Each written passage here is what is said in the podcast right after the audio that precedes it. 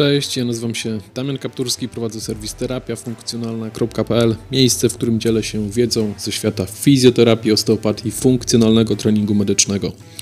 W dzisiejszym epizodzie opowiadam na temat ćwiczeń na ból kręgosłupa. Postaram się odpowiedzieć na pytanie, które z nich są najskuteczniejsze. Ten epizod jest wersją audio wpisu na blogu, który ukazał się 29 listopada 2020 roku, więc jeśli interesuje Cię literatura, na bazie której przygotowałem ten wpis, to zapraszam Cię na blog terapiafunkcjonalna.pl. Tam znajdziesz wszystkie odnośniki. Ćwiczenia na ból kręgosłupa. Które są najskuteczniejsze? Ćwiczenia na ból kręgosłupa są powszechnie zalecanym sposobem leczenia przewlekłych dolegliwości bólowych dolnego odcinka pleców. Niestety, wytyczne dotyczące praktyki klinicznej nie wskazują konkretnie, który rodzaj ćwiczeń jest najbardziej skuteczny. W dzisiejszym wpisie przytaczam metaanalizę sieciową, która porównuje skuteczność metodologii Pilates, ćwiczeń aerobowych, stabilizujących i poprawiających kontrolę motoryczną do braku aktywności fizycznej i interwencji innych niż ćwiczenia. Ćwiczenia na ból kręgosłupa, metodologia badania.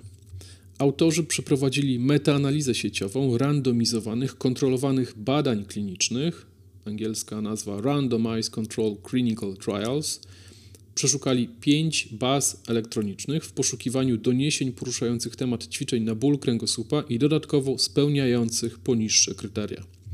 Uczestnikami badań były osoby, które ukończyły 18 rok życia i cierpiały z powodu chronicznego, niespecyficznego bólu dolnego odcinka kręgosłupa.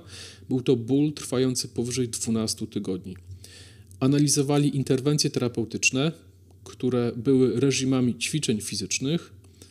Uczestnicy wykonywali te ćwiczenia przynajmniej przez okres 4 tygodni. Ćwiczenia obejmowały takie metodologie jak pilates, yoga, trening oporowy, ćwiczenia poprawiające stabilizację i kontrolę motoryczną, procedury metody McKenzie MDT, ćwiczenia mające na celu poprawę zgięcia kręgosłupa, ćwiczenia aerobowe, ćwiczenia w wodzie lub zajęcia łączące powyższe ćwiczenia, czyli tzw. Tak szkoły pleców. Badania na temat ćwiczeń na ból kręgosłupa porównywano do badań, w których stosowano wyłącznie interwencje typu hands-on lub hands-off nie uzupełniając ich o ćwiczenia. Do interwencji hands-on zaliczono terapię manualną, chiropraktykę, pasywną fizjoterapię, manualne zabiegi osteopatyczne, masaż i akupunkturę. Do interwencji typu hands-off zaliczono zalecenia i leczenie wdrożone przez lekarza pierwszego kontaktu, edukację, interwencje psychologiczne. Badania zawierały pomiar takich parametrów jak intensywność bólu, mierzona przy pomocy numerycznej skali bólu, Ocenę poziomu niepełnosprawności, tu wykorzystywano Oswald Street Disability Index, ocenę stanu psychicznego, kwestionariusz oceny jakości życia. W języku angielskim ten kwestionariusz nosi nazwę 36 Item Short Form Health Survey.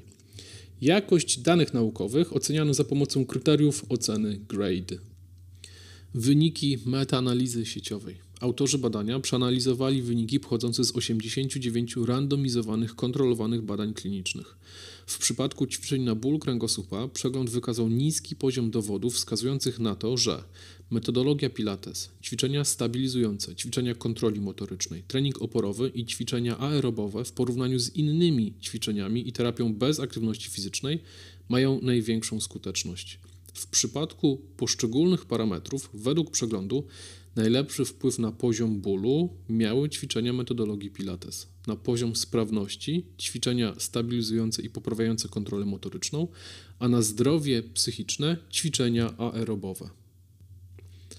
Ograniczenia i błędy w przygotowaniu przytaczanej metaanalizy.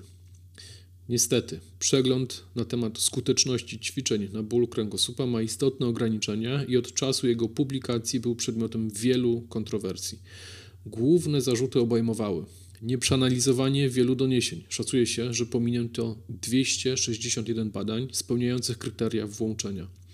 Szacunki dotyczące wpływu tego, jak Pilates wpływa na ból, poddawane są w wątpliwość. Autorzy przedstawiają rozmiary efektów około 3 do 4 razy większe niż zwykle zgłaszane w przypadku interwencji wykorzystujących wysiłek fizyczny w leczeniu przewlekłego, niespecyficznego bólu dolnego odcinka kręgosłupa. Niska jakość opracowania metodologicznego. Autorzy nie zapewnili wystarczającego poziomu odpowiedniej przejrzystości, nie argumentowali w jaki sposób i dlaczego wybrali konkretne metody rozumowania statystycznego. Implikacje kliniczne w pracy fizjoterapeuty i trenera personalnego. Błędy, jakie popełniono w trakcie przygotowania publikacji, oznaczają, że prezentowane wyniki nie są wiarygodne. Zgodnie z badaniami opublikowanymi w Cochrane Database, wiodącym czasopiśmie i bazie danych przeglądów systematycznych w opiece zdrowotnej, w przypadku przewlekłego bólu dolnego odcinka kręgosłupa wszystkie rodzaje ćwiczeń mają niewielki lub umiarkowany wpływ na ból i niepełnosprawność, a żaden rodzaj ćwiczeń nie jest lepszy od innych. Dlatego też powinniśmy kierować się tymi dowodami i kłaść mniejszy nacisk na wybór właściwego rodzaju ćwiczeń. Szukanie tych najlepszych na przewlekły ból dolnego odcinka kręgosłupa niepotrzebnie komplikuje opiekę zdrowotną i może wywołać u pacjentów wrażenie, że niektóre ćwiczenia są dobre, a inne złe. Zamiast skupiać się na rodzaju ćwiczeń na ból kręgosłupa, powinniśmy skupić nasze wysiłki na zachęcaniu ludzi do większej aktywności fizycznej oraz na strategiach, które pomogą w utrzymaniu tej aktywności przez długi czas. W zależności od osobowości pacjenta, nasze działania mogą obejmować zmniejszenie strachu przed ćwiczeniami i tutaj możemy stosować edukację, łącząc ją z ćwiczeniami. Zwiększenie pewności siebie w trakcie wykonywania ćwiczeń, i tu stosujemy stopniowanie aktywności od torowania ruchu z wykorzystaniem technik hands-on do wprowadzania ćwiczeń wykonywanych samodzielnie z rosnącym poziomem trudności i w końcu brać pod uwagę osobiste preferencje oraz cele, jakie chcą osiągać pacjenci. To już koniec dzisiejszego epizodu. Pozwól, że podziękuję Ci za wysłuchanie do samego końca. Jeśli wniósł jakąś wartość, to podziel się nim proszę na swoich mediach społecznościowych. Jeśli jesteś teraz na YouTubie, to kliknij łapkę w górę i rozważ pozostawienie subskrypcji i komentarza poniżej. Pomaga to wspierać mój kanał i daje znać algorytmom Google, że to co robię ma wartość. Zapewniam Cię, że każdy twórca internetowy najbardziej motywowany jest przez feedback od odbiorców, czyli od Ciebie. Bez Ciebie ta praca nie ma większego sensu, więc pozdrawiam i żegnam się do następnego razu. Cześć.